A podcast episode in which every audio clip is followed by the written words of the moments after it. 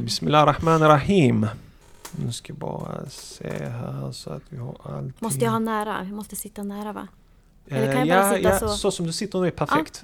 Lutar du dig tillbaka, Eller bara så? ja, då blir det lite... Så? Ta, ja, dra den gärna lite närmare. Så, så, Så. blir perfekt.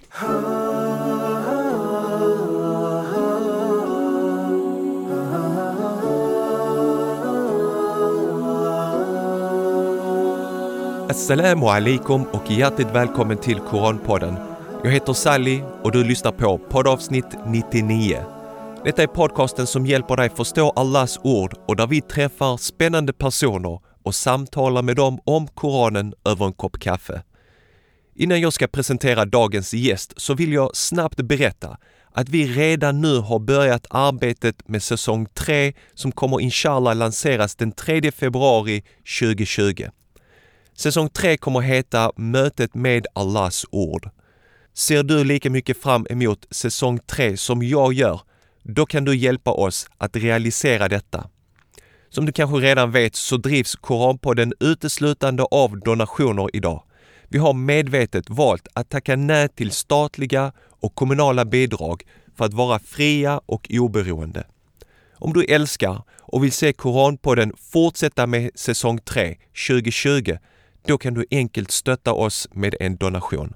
Gå in på koranpodden.se och klicka på donera i menyn och märk din donation med säsong 3. Må Allah belöna dig för din frikostiga donation. Helena brottades under stora delar av sin barndom och ungdomstid med psykisk ohälsa. Hon var samtidigt en sökare. Hon sökte inre frid och stillhet i sitt liv. Till sist fann hon det hon sökte. Hon fann islam. Hon fann inre lycka och glädje. Hennes liv fick en mening och syfte. Helena är modig och berättar om hennes svåra resa i livet när vi satte oss ner tillsammans i Göteborgsmoskén.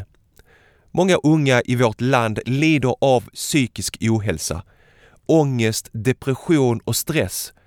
Våra läkare och forskare försöker allt de kan för att hitta orsakerna till denna farliga utveckling för att få ett stopp på detta. På Folkhälsomyndighetens hemsida kan vi läsa att psykisk ohälsa bland unga har ökat mellan 1985 och 2014. Nästan hälften av alla 15-åringar har uppvisat psykosomatiska symptom. Folkhälsorapporten pekar på att brister i skolan och en större medvetenhet om ökade krav på arbetsmarknaden kan vara bidragande orsaker. Det må vara så, men vi får inte glömma den allt ökande materialismen och rotlösheten i vårt samhälle. Du blir lycklig om du har en snygg partner, mycket pengar och en fin bil. Det viktiga för människan idag blir ytan, utseendet. Men lik havet som är stilla på ytan så kan det vara våldsamma strömmar under ytan. Jag är övertygad om att vi inte får glömma människans andliga dimension i allt detta. I vårt moderna samhälle fokuserar vi på kroppen på bekostnad av vår ande. Det är lätt att samhället ser lösningen i medicinering. Ta en pill, en quick fix. Detta är inte den långsiktiga och varaktiga lösningen på problemet. Medicinering är plåstret på såret. Jag är övertygad om att tron har svaret på många av våra frågor beträffande psykisk ohälsa. Vägledningen i våra heliga skrifter och i profeternas rådgivning har vi tröstande och vägledande ord som ingjuter stillhet för själen, utrustar oss med tålamod och gör oss starka och resistenta. Miljoner människors vittnesbörd om trons stärkande effekt kan inte ha fel. Tyvärr har många av våra politiker missat detta i en allt tilltagande populistisk trend i samhället. De vill istället stänga ner friskolor med religiös profil, vill göra det svårare för muslimska föreningar att bedriva barn och ungdomsverksamhet. Tron ska inte förekomma i skolan. Tron ska inte förekomma på arbetsplatsen. Detta är en farlig utveckling som bara kommer slå tillbaka hårt. Det är dags för våra politiker att värdesätta tron och andligheten. Samhället bygger inte bara på pengar och materiella resurser. Okej, nog med försnack. Helena är uppväxt och har levt större delen av sin barndom i Umeå. Nu har hon flyttat till Göteborg och det är där jag träffade henne.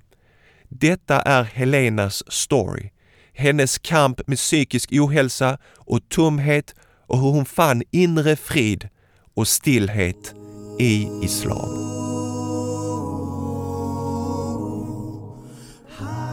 Det är ett stort nöje för mig att välkomna Helena till Koranpodden. Välkommen Ja, Helena! tack så mycket. Salam alaikum. Salam alaikum. Vi befinner oss i Göteborgsmoskén och det är ett stenkast från där du bor, om jag förstått det rätt. Ja, vi bor Ja. nära Ja. moskén. Mm. Hur känns det då? Alhamdulillah, det känns jättebra. Ja. Jag är nyinflyttad hit. Ja, okej. Så det, det känns jättebra. Jag har Ja. bott här i fem veckor nu. Ja. Och var bodde du tidigare? I Umeå. Umeå. Mm. Oj, det är väldigt norrut. Så norr har inte jag varit. Är du Nej. född och uppväxt i, i ja, Umeå? jag är uppvuxen Okej. där i Umeå. För att Mm. jag, jag bor också faktiskt ett stenkast från moskén i Malmö, den eh, Mm. äldsta och, eh, moskén där. Eh, och det känns också underbart för att ibland så tar vi en promenad med hela familjen, då promenerar vi till moskén. Mm. Och varje gång man promenerar till moskén så känner man vi borde göra detta oftare. Det är så Mm. skönt att bara komma till moskén Lugnt, och det är tyst och fridfullt. lugnt, fridfullt. Mm. Ja precis, man Precis. kan bara slappna av. Ja. Men du har inte alltid varit muslim? Nej. Nej, Fyra år, alhamdulillah. fyra år. Ja, Mashallah. Så vill du berätta lite grann om din barndom? Är du född, du är född och uppväxt i Umeå? ja precis. Ja. Jag är född och uppvuxen, uppvuxen i Umeå. Eh, med mamma och pappa. Mm. Och jag har tre syskon. Mm. eh, två systrar och en bror. Ehm, och vi har ju som vuxit upp, ja, svenska traditioner. Mamma och pappa är icke-troende. Mm. Och jag har ju alltid varit sökande. När jag var liten trodde jag på Gud faktiskt. Ehm, och sen, ja, när jag blev äldre så har jag alltid varit väldigt sökande. Och var, känt, mått dåligt. Jag har varit väldigt sökande och velat hitta någonting. Hur har det sökandet sett ut? Ja, mitt psykiska mående. Det är väl det det har varit det största eh, testet genom åren. Men sen när jag fann islam så blev jag lugn. Jag hittade hem, Mm. alhamdulillah. Vad var den psykiska... Ja, alltså depressioner. Jag mådde väldigt dåligt psykiskt. Jag ville om- inte leva Mm. också till och från. Det började när jag var 12 år. Och sen flera år framåt Mm. faktiskt. Så mådde jag väldigt dåligt. Jag kände mig väldigt tom. Och jag var sökande. Och i svåra stunder så bad jag. Jag bad till Gud. För jag kände att Mm. ja, det måste finnas något mer än det här. Och livet kändes väldigt meningslöst. Till, eller varje dag. Jag, Mm. jag ville liksom veta varför jag lever, varför finns jag? Vad är meningen med livet? Mm. Mm. För att när man prövar olika liksom utvägar om man säger så, så Mm. finns det till slut kanske bara att man kan vända sig till Gud och söka hjälp där. Ja, ja, men det var som så Mm. när, man, när jag mådde väldigt dåligt. Mm. Och min lilla syster Ellen också. Hon är muslim, alhamdulillah. Hon blev muslim för fem år sedan. Så hon blev muslim före dig? Ja, ett år Okej. före mig. Ja. Mm. Är det på har- det sättet du också lärde känna då islam genom din lilla syster? Nja, jag, den resan gjorde jag helt själv faktiskt. Okej. Det var ingen som visste att jag ville bli muslim. Utan Mm. jag, eh, mamma och pappa flyttade isär. Mm. Mamma flyttade till en lägenhet. Så jag flyttade eh, med henne till lägenheten. Och jag har ju som alltid vetat ja, men vad kristendomen förespråkar. Att Mm. ja, Jesus sägs vara sons Gud. Alltså Mm, son Guds till son. Gud. Ja, precis. Men jag kände bara att jag har ju som alltid vetat det. Men jag, jag var intresserad av islam. Jag blev jätteintresserad så jag började läsa på internet faktiskt. Islamguiden Mm. finns det en sida som heter. Och så lånade jag faktiskt, jag cyklade till biblioteket och lånade Koranen där. Och Vilken, vilken översättning lånade du då? Minns eh, du? Koranens budskap Ja. lånade jag. Och jag läste några sidor, men det var liksom svårt att förstå Koranen. Så jag lämnade Speciellt tillbaka med den. Knut Bernströms I- översättning också är väldigt avancerad Ja. svenska. Jag vet inte, men jag, Mm. jag lämnade tillbaka den i alla fall. Mm. Och sen så lånade jag den igen och började läsa faktiskt. Men jag, läs, alltså jag hittade jättemycket information om islam på internet faktiskt. Mm. Och det var tur att jag kom in på bra sidor för att Ja, jag vet inte. Jag kom bara in på Islamguiden. Och så läste jag där. Och på lite islam.nu, lite andra sidor. Mm. Och jag bara tänkte det är en jättefin religion. Mm. Och jag hade ju som ingen aning om vad islam var eller vad är muslim. Jag visste som ingenting. Men där, jag fastnade för allt. Det Mm. kändes så himla komplett och jag kände direkt att nu har jag, hittat hem. Mm. Alhamdulillah. Mm, Så vad, vad är det för något specifikt som gjorde att du kände att du hittade hem? Det var som att vakna upp. Mm. Det kändes som att det islam förespråkar, det är normalt. Jag tycker att mycket av det samhället förespråkar, det, det är inte rätt. Mm. Jag jag, jag, jag, träffade en Ja. annan konvertit som heter Håkan. Jag frågade honom, när konverterade du? Han sa, Mm. jag konverterade aldrig, jag bara upptäckte att jag var muslim. Jag kom Ja, fram för att var, han också. kände att det var Ja. normalt. Ja, jag kände också det. Jag kände att nu har jag hittat hem. Mm. Och jag kände som att jag började få mer tro och mer tro. Mm. Men det tog ett och ett halvt år faktiskt innan jag konverterade. Mm. Så det tog ett tag faktiskt och jag var ju så rädd. Vad ska mamma, pappa, vad ska familj och vänner tycka? Jag tänker på din lilla syster som, som Ja. är med i bilden som hade konverterat. Hur reagerade dina föräldrar? Och, hade du en diskussion med henne och ställde frågor Ah, ja, jag och Ellen, vi pratade. Hon och hennes man kom faktiskt och hälsade på. Mm. Och ja, men hälsade på mig och mamma och sådär i lägenheten. Och, alltså, Ellen visste att jag var intresserad av islam. Och jag, hade, jag sa till henne, jag minns en gång sa jag till henne på bussen när vi åkte från stan och vi skulle hem igen. Mm. När hon hälsade på i, Stock- i, Umeå. Då sa jag att jag är muslim. Så jag är redan muslim i hjärtat men jag vågar inte ta. Jag vet, hon bara Helena, hon var väldigt lugn faktiskt. Hon, hon, var, hon pushade inte på mig för hon var väldigt lugn och hon frågade inte så mycket. Hon ville att jag skulle ta det här steget själv såklart. Så jag sa bara att jag är redan muslim i hjärtat. Mm. Men jag vågar inte Ellen sa jag. Jag är så rädd för vad andra ska tycka. För muslimer kan, vissa muslimer kan vara duktiga på att pusha och så här, liksom, Ja. Men tänk om du dör, tänk om det är din sista dag, du måste ta shahada och sådana här men grejer. Ellen, eh, alhamdulillah, hon var lugn. Mm. Och sådär. Och det var som helt min egen resa. Jag hittade allt själv. För jag har ju alltid varit väldigt sökande och velat hitta en mening liksom med, med livet. Och Mm. det fann jag i islam, alhamdulillah. Så när tog du din Ja. shahada? När bestämde du att nu ska jag I ta shahada och berätta det för min mamma? Och då kommer min mamma få kaos för att då är det två döttrar som har konverterat till islam. Ja. I april 2014, 2015 Ah. tog jag, sa jag min shahada. Vill du berätta? Var? Eh, jag Hur? var på Muslimska familjedagarna med Ellen. I Stockholm? Ja, precis. I Stockholm. Eh, Så jag reste dit och jag stannade där en vecka. Hade du bestämt att nu när jag Ja. reser dit så ska jag ta Jag shahada? tror, jag tror jag faktiskt hade bestämt det. Att jag kommer nog säga trosbekännelsen.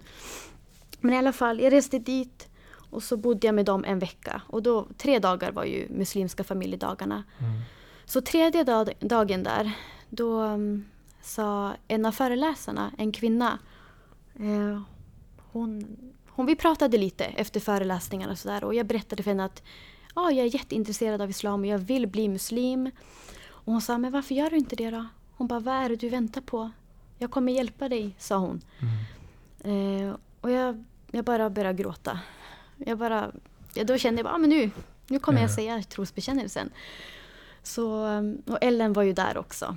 Och hon hörde ju att hon fick höra att jag skulle säga trosbekännelse. Hon bara bröt ihop. Två systrar sitter och gråter på familjedagarna. Men alltså, hon blev jätteglad, alhamdulillah. Så Ja. jag sa Glädje, glädjetårar Ja, alltså. jätteglad.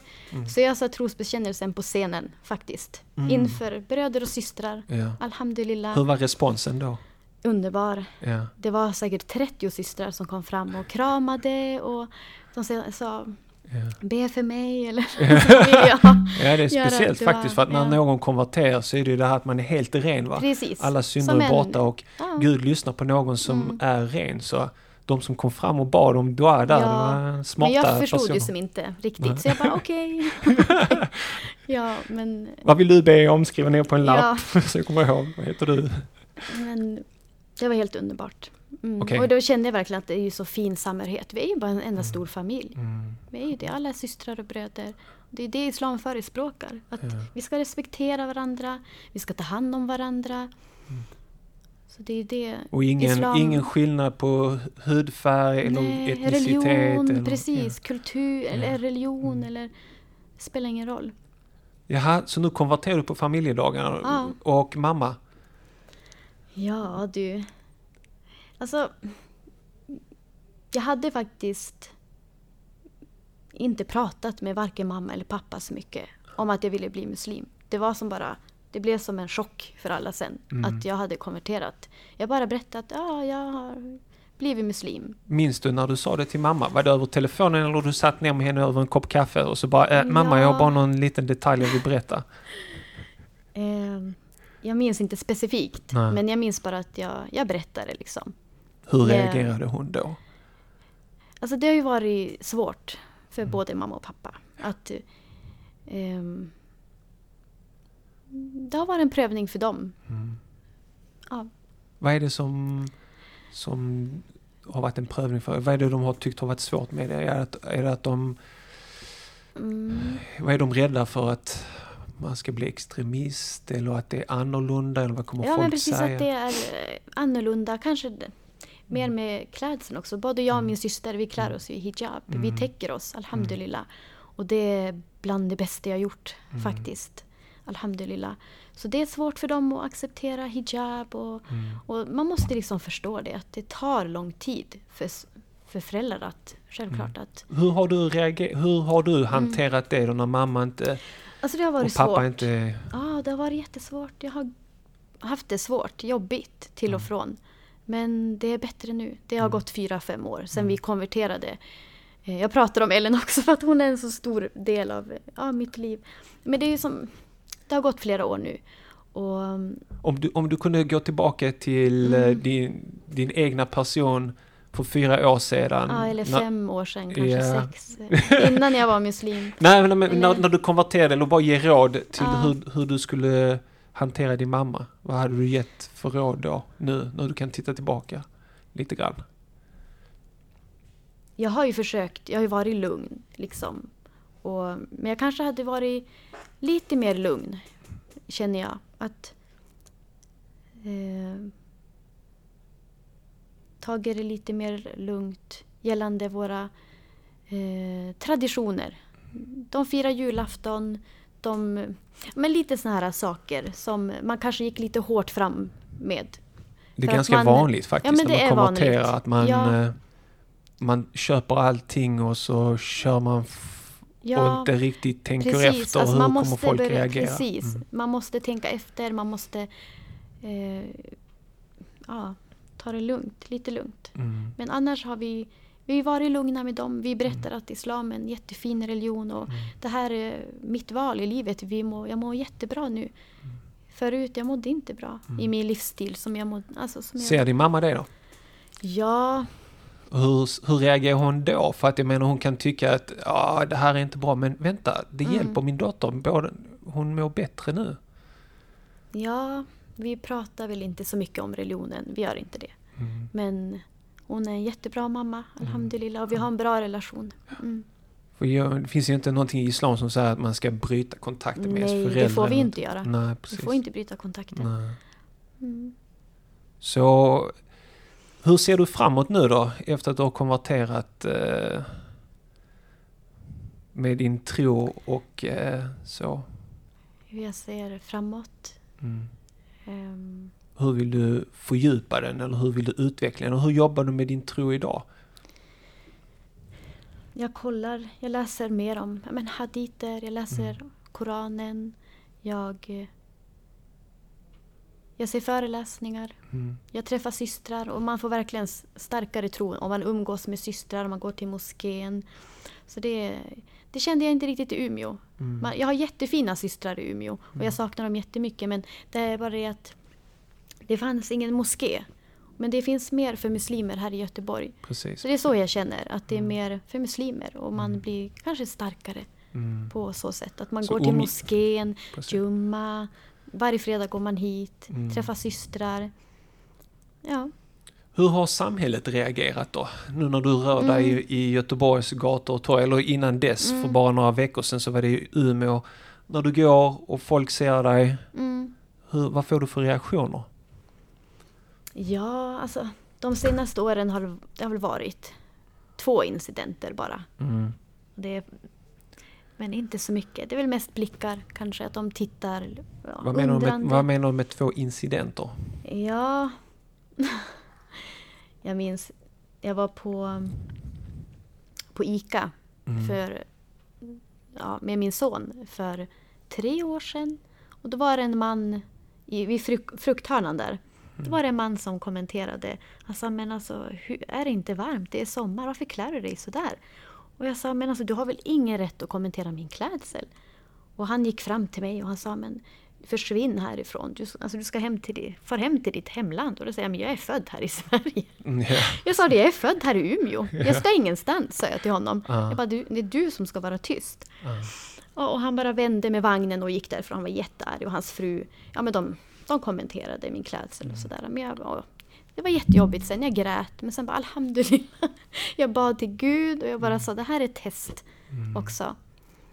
Och sen, ja men lite sånt, sånt där. Men det har inte varit så mycket faktiskt. Mm. Men bara att folk kanske tittar. Man sticker ju ut såklart. Ja, när man täcker sig. Ja. Som, ja, eller bröder också som har islamisk Mm. klädsel. De sticker ju också ut. Så folk tittar ju såklart. Precis. Mm.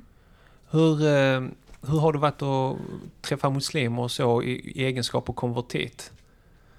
Tycker du att folk har förståelse för konvertiter? Alltså bland muslimer tänker jag. Eller Ja, finns det en massa är- missförstånd bland muslimer själva? Mm. För jag- jag- en sak, jag vet inte, du får säga om det här stämmer, men jag har Mm. varit med konvertiter en hel del och en sak som de konvertiter som jag har träffat, en liten grej kan vara som att när de träffar muslimer så får de alltid höra hej. Fast när de säger salam aleikum så blir det Mhm. hej istället. Jag vet inte, har du upplevt någonting nej, sånt? Det, nej.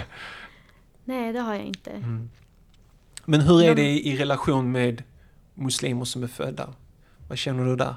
Finns det krockar, missförstånd? Nej, alltså jag känner att när... Jag tänkte, alltså innan jag, när jag var ny muslim, då tänkte jag att alla vi systrar, vi kommer tycka likadant. Men man tycker inte likadant. Alla är olika personer. Så man tycker olika gällande islam också. Mm. Man, har olika, man följer olika skolor. Eller, så det har jag som känt att ja, men vi tycker inte likadant om allt. För man, jag, vet inte, jag tänkte bara så. Men alla är väldigt... De tycker det är jätteroligt att man är svensk och konvertit, att man har konverterat. Mm. Så de tycker de bara, åh mashallah, de är jätteglada och välkomnande och jätte, jättefina. Mm. Härligt att höra att du Ja, har blivit väl bemött så ja. att säga. Jättebra bemött. Mm. Vad, vad jobbar du, vad, jag tänker på skola eller jobb. Hur ser du på det? Och vad tänker du kring Inshallah, det kommer. Ja. Jag, ska, jag söker jobb här Mm. i Göteborg. Mm. Jag har jobbat som personlig assistent Mm. tidigare. Söker du inom det också nu? Eller? Ja, jag söker inom Ja. det, jag söker inom allt möjligt. Mm. Så det finns ju en del växande islamofobi och så. Mm. Som du kanske har hört på TV och ja, Ja, media. till och med upplevt det Mm, media. incidenter och så. Mm. Hur, hur tycker du att vi muslimer ska tänka kring det? Göra våran röst hörd. Hur gör, man, hur gör man Till det? exempel skriva in till tidningarna. Mm. För de skriver så negativt, speciellt om oss kvinnor som bär sjal och praktiserar islam. Både om oss, de säger att vi är extrema men jag tycker att vi, alltså på så sätt, vi kan kanske skriva. Det talas alltid om muslimska kvinnor men Ja. deras egen röst hörs inte. Nej, det är ju ofta så att de skriver om sjalen och om oss muslimer men då måste vi kanske, vi måste säga emot. Har du blivit intervjuad eller är det någon som har vänt sig till dig? Någon journalist eller Ja. så? Jag har blivit intervjuad två gånger Mm. i Ex- Expressen och i VK, i Västerbottens-Kuriren. Så jag har blivit intervju- ja, intervjuad två gånger. Vad, ge, vad handlade de intervjuerna om då? De var intresserade av att veta hur jag blev muslim. Eh, min resa till islam. Så jag Det är positivt. Ja. Så att De det inte är liksom bara Nej, alltså det var... negativa saker utan din, din resa till Ja, islam. precis. De ville veta. De var faktiskt väldigt nyfikna, de Mm. där två journalisterna. Jättetrevliga och Mm. Vi själv satt upp, jag pratade med dem sen och frågade dem, vad har du för... Har du någon tro? Tror du på Gud? Mm. Och många, jag har ju frågat många grannar när jag har jobbat, jag har frågat dem, tror du på att vi har en skapare? Alltså det här kan ju inte bara komma av sig själv, av en slump. Någonting måste ha skapat allt det här. Och de säger ja, jag tror på någonting. Men jag tror inte på Gud, säger de. Mm. Så alla har någon tro. De har det i sig, men de säger inte att det är Gud. Um, Precis. men de tror på en högre makt. Det är det de säger. Ja, för att när, Grannar du säger och- Gud så Ja. tror jag att de tänker så att aha, jag, jag vill inte tro på den Gud som det talas om. Bibliska Gud eller någon Ja, Gud som... Det kan vara så. Hänger du med? Utan Mm. de tror på en högre makt. Precis. Vill inte definiera det, men Mm. de tror på någonting. Mm. Men då har jag sagt till dem, men då tror du ju på en skapare. Precis. Har jag sagt. Ja. Och vad har de sagt då? Ja, de blir lite så här, ja, ja. De har inte Faktiskt. gått så långt i sina tankar. Precis, för jag, ibland, det, jag tycker det kan vara bättre att säga till någon som icke troende att en skapare istället för Gud, för Gud kan vara så mycket olika, Ja, precis. alltså i olika religioner. Så jag säger en skapare, för det är det islam förespråkar, att Mm. vi har en skapare. Mm. Precis. Ja. Och eh, har det varit några reaktioner på de eh, artiklarna? Är det någon som har hört av sig? Eller? Ja, positiva reaktioner från vänner och Mm. sådär. Men eh, inte så många negativa kommentarer faktiskt. Ja. Har, du funderat, har du funderat själv på att skriva någonting? Ja, Eller, alltså jag eh, älskar faktiskt att skriva och Mm. prata. Och Mm. så, Har du, för jag menar, den här koranpodden startade jag och sen så skrev Mm. jag den där boken också. mm, Ehm, och jag har träffat så många fantastiska människor som har jätteintressanta tankar och, mm. och jätteduktiga men man har ingen plattform på något sätt. Nej, jag förstår. Att Det är det som vi måste- har, vi, vi, vi saknar muslimska plattformar. Om man vill skriva så har vi ingen tidning. Mm, Så hänger du med? jag förstår. Har du funderat på det med, tillsammans med andra systrar, kanske starta någon podd kanske? nej, Eller nej, vi har, inte, nej, vi har inte pratat om det faktiskt. Mm. Nej. Vad har det varit för aktiviteter då? Som, som ni har varit engagerade i? Vi har setts, vi har haft Mm. systerträffar, vi har pratat om islam, vi har bett tillsammans, vi gör mat, barnen är med och Mm. Ja, så har vi ja. setts. Det Och, är social umgänge så att säga. precis, ja så. Har ni tänkt på kanske att lyfta det då? Försöka göra något? Ja, man skulle absolut kunna göra det. Mm. Men då måste vi, vi måste börja någonstans. Ja, jag har precis. faktiskt aldrig tänkt på det. Mm. För det finns så många möjligheter, tänker jag, Mm. här i Sverige med alltså att starta förening och, Mm. och hjälpmedlen finns där. Och det är inte så dyrt att starta en podd eller så komplicerat det heller. Och det är därför jag tycker att, att jag och många andra muslimer är medvetna om att muslimer saknar sin egen röst. Mm.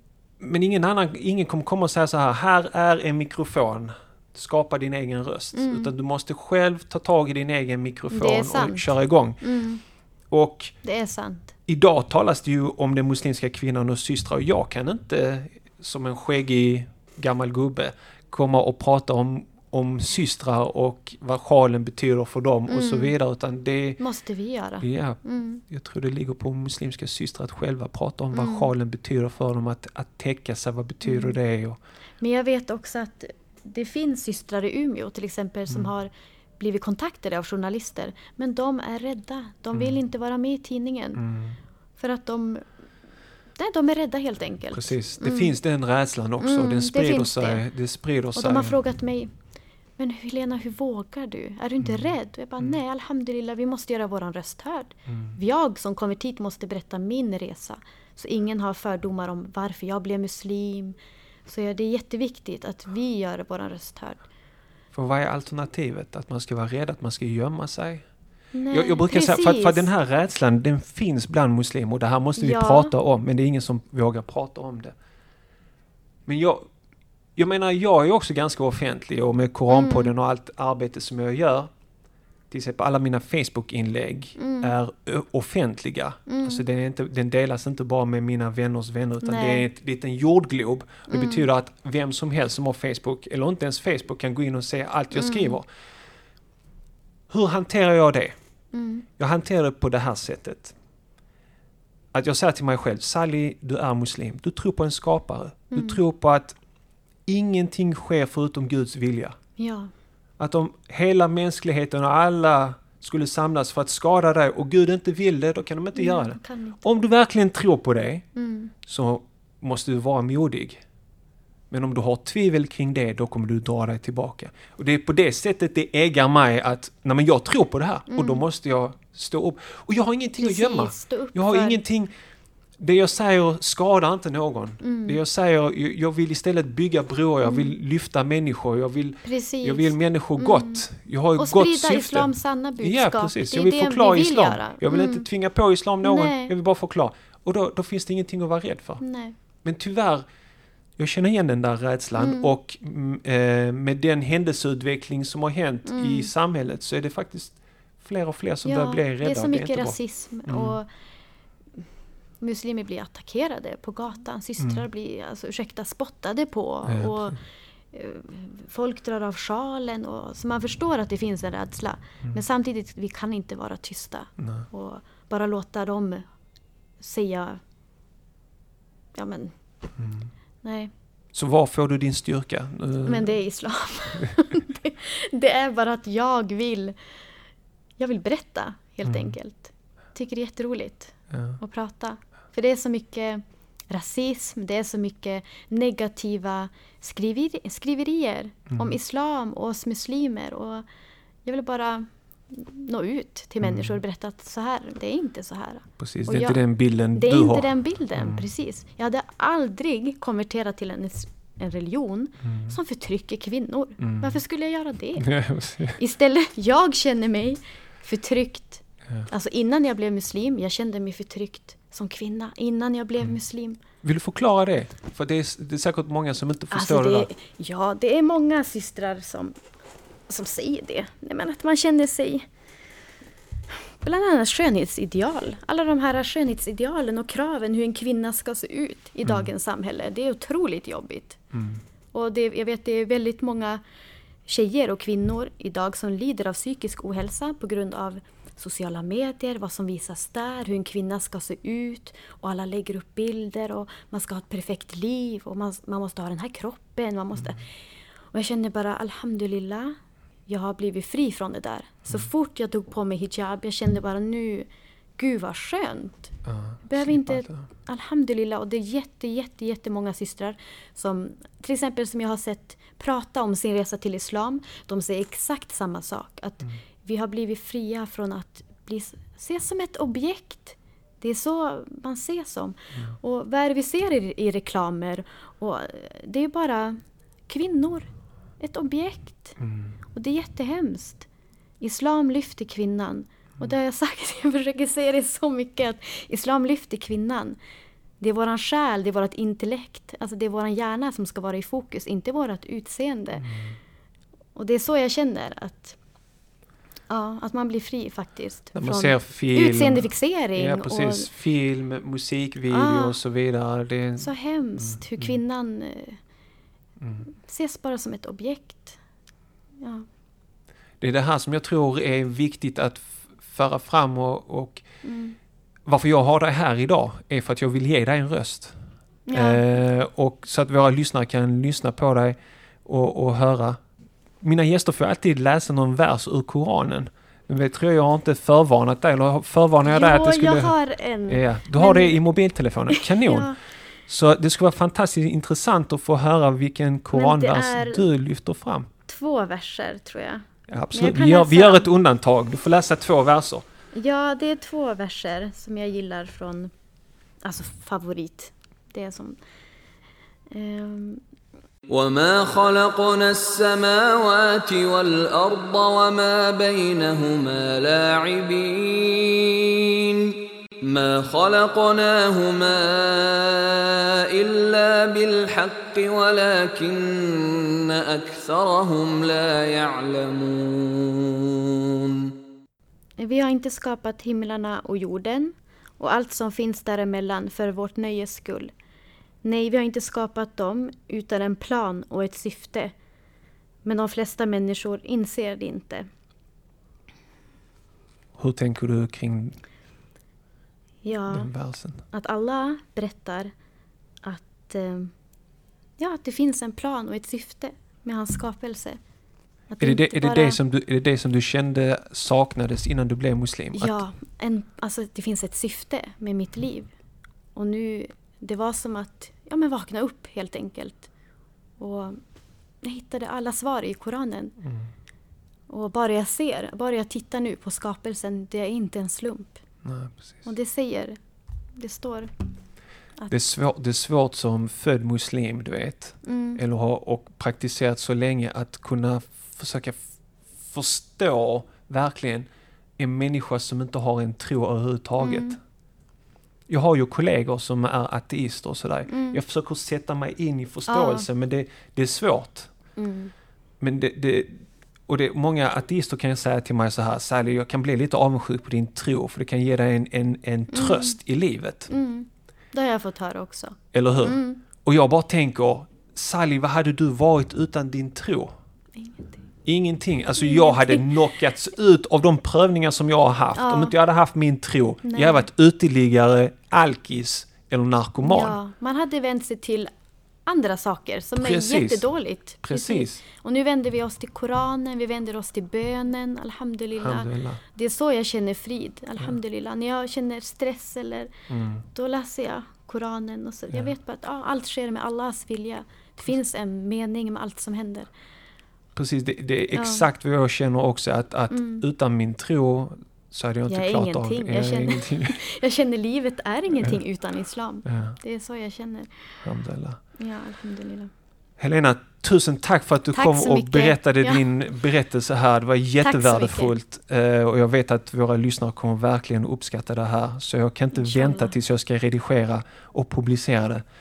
Eh, nu är jag egentligen officiellt på semest- semesteruppehåll. Eh, men jag är ändå runt, runt, åker runt i Göteborg och gör de här intervjuerna för att det är fantastiskt att träffa eh, underbara Mm. människor. Så att, tusen tack. Är det något sista du vill dela med dig av eller säga? Nej, Nej, okej. det är bra. Tack Jag så önskar mycket. dig all lycka till. Tack, Tack, så för att du var mycket. med på Lycka till själv. Salam alaikum. Salam alaikum. Tack för att du lyssnade på mitt samtal med Helena. Något som jag tar med mig från detta samtal är hur viktig vår tro är för vårt välmående. Vi får aldrig underskatta detta. Det är många barn och unga som lider i vårt samhälle idag. Vi måste bry oss om varandra och göra allt vi kan för att få stopp på denna destruktiva utveckling som vi ser idag. Jag har definitivt inte det slutgiltiga svaret på problemet, men vi måste samarbeta över gränserna för att finna en lösning på ett gemensamt problem. Läkare, vetenskapsmän, forskare, imamer, präster, rabbiner, munkar och nunnor, det är ett kollektivt ansvar för att hitta en lösning. Till sist, om du eller någon du känner har allvarliga självmordstankar bör du omedelbart kontakta en psykiatrisk akutmottagning eller ringa 112. Må Gud underlätta och hjälpa oss alla. Om du har frågor eller funderingar om innehållet i mitt samtal med Helena är du välkommen att lämna en kommentar direkt på Koranpoddens hemsida. Gå in på koranpodden.se 99 och lämna din kommentar längst ner på sidan. Nästa vecka är det poddavsnitt 100. Helt otroligt! En viktig personlig milstolpe för mig och för Koranpodden. I nästa veckas avsnitt får du därför lyssna på när bröderna bakom Kompetenspodden intervjuar mig om mitt arbete med Koranpodden. Det blir ett sätt för dig att komma bakom kulisserna. Här kommer ett kort utdrag från intervjun. Eh, din så här drömperson att intervjua? Förutom kompetens på Drömmen är redan! Nej, ser du? Bästa! Det finns ingen dröm längre. Bara det är liksom... Jag har ju redan det här. Eller hur? Jag har faktiskt inte någon person, men jag har platser. Okej. Yes. Och jag har en dröm av att packa väskan och åka till Tokyo. Eh, och träffa japanska Intressant. muslimer. Yes. Koranpodden åker till Japan. Missa inte intervjun när Podden intervjuar mig nu på måndag inshallah. Vill du göra mig en tjänst och dela detta poddavsnitt med någon som du vet behöver lyssna på Helenas kamp med psykisk ohälsa och hur hon fann inre frid i islam. Klicka på dela-knappen i din poddspelare och dela helt enkelt länken till detta poddavsnitt via ett sms koranpodden.se 99. Tack för att du delar och gör det möjligt för många fler att bli inspirerade av Helenas story. Glöm inte heller att du nu kan stötta säsong 3 av Koranpodden inför 2020. Gå in på vår hemsida, klicka på donera. Här hittar du vårt swish och bankgironummer. Må Allah belöna dig för att du hjälper oss att visa vilken kraft det finns i Koranen för alla våra lyssnare. Följ oss på Facebook och Instagram för inspirerande och upplyftande korancitat under hela veckan. Vill du komma i kontakt med mig så gör du det lättast genom att mejla mig på hej koranpodden.se. Då återstår det bara för mig att önska dig en härlig vecka. Tack för att just du lyssnar på Koranpodden. Vi hörs igen nästa vecka på måndag inshallah. Ta hand om dig tills dess. Salamu alaikum wa rahmatullahi wa barakatuhu.